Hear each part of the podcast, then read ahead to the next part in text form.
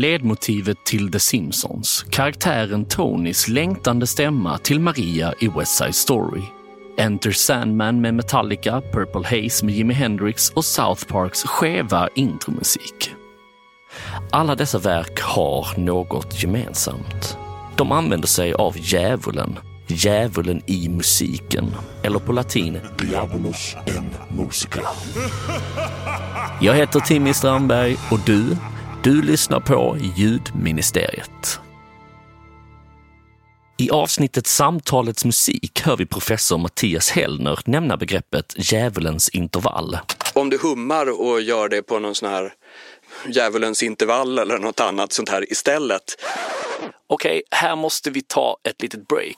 Och jag ger en kort förklaring om att det handlar om avstånd mellan toner och musikteori.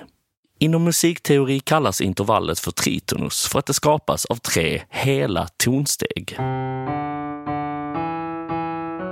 Djävulens intervall har i hundratals år hjälpt kompositörer att skapa några av historiens mest drabbande, kusliga och känslofyllda harmonier och verk. Från episka och klassiska verk till hårdrocksriff och musikallåtar. It's a gesture that is very confrontational.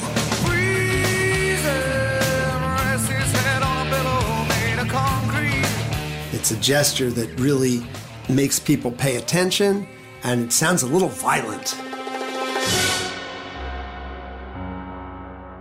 Enligt Carl E. Gardners text Essentials of Music Theory som gavs ut 1912 så kan man dela upp ackord i beroende och oberoende. Ett oberoende ackord upplevs harmoniskt och tryggt. Och ett beroende ackord innehåller en dissonant och upplevs som spänt, skevt och rastlöst. Som att det inte riktigt trivs och vill vidare. Ett sådant ackord bör enligt Gardner inte avsluta en komposition då det kommer få publiken att känna obehag. Som en trappa som saknar ett sista steg eller en tavla som hänger lite snett.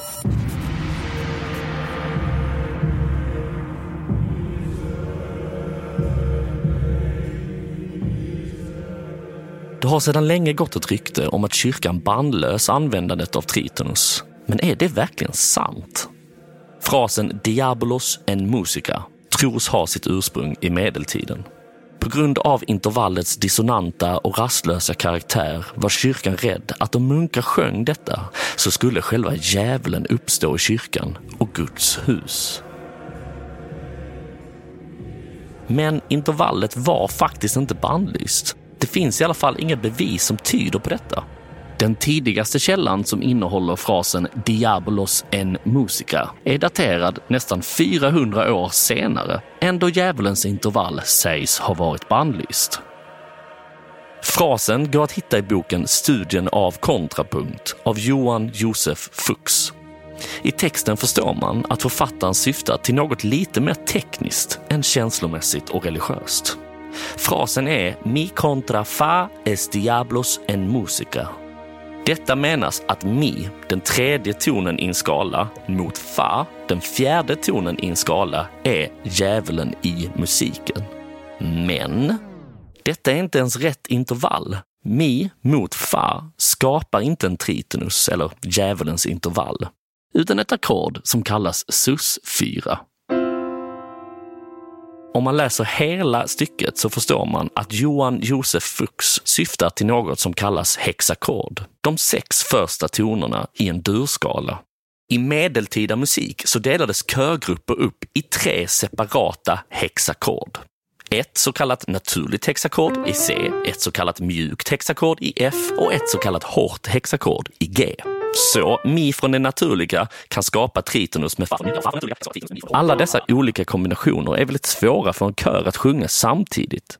Så Johan Josef Fuchs gör egentligen bara en liknelse. Han skriver inte att djävulen kommer knacka på din dörr, utan snarare om ni komponerar ett stycke för en kör, ha inte med tritonus. Det är djävulskt svårt att sjunga.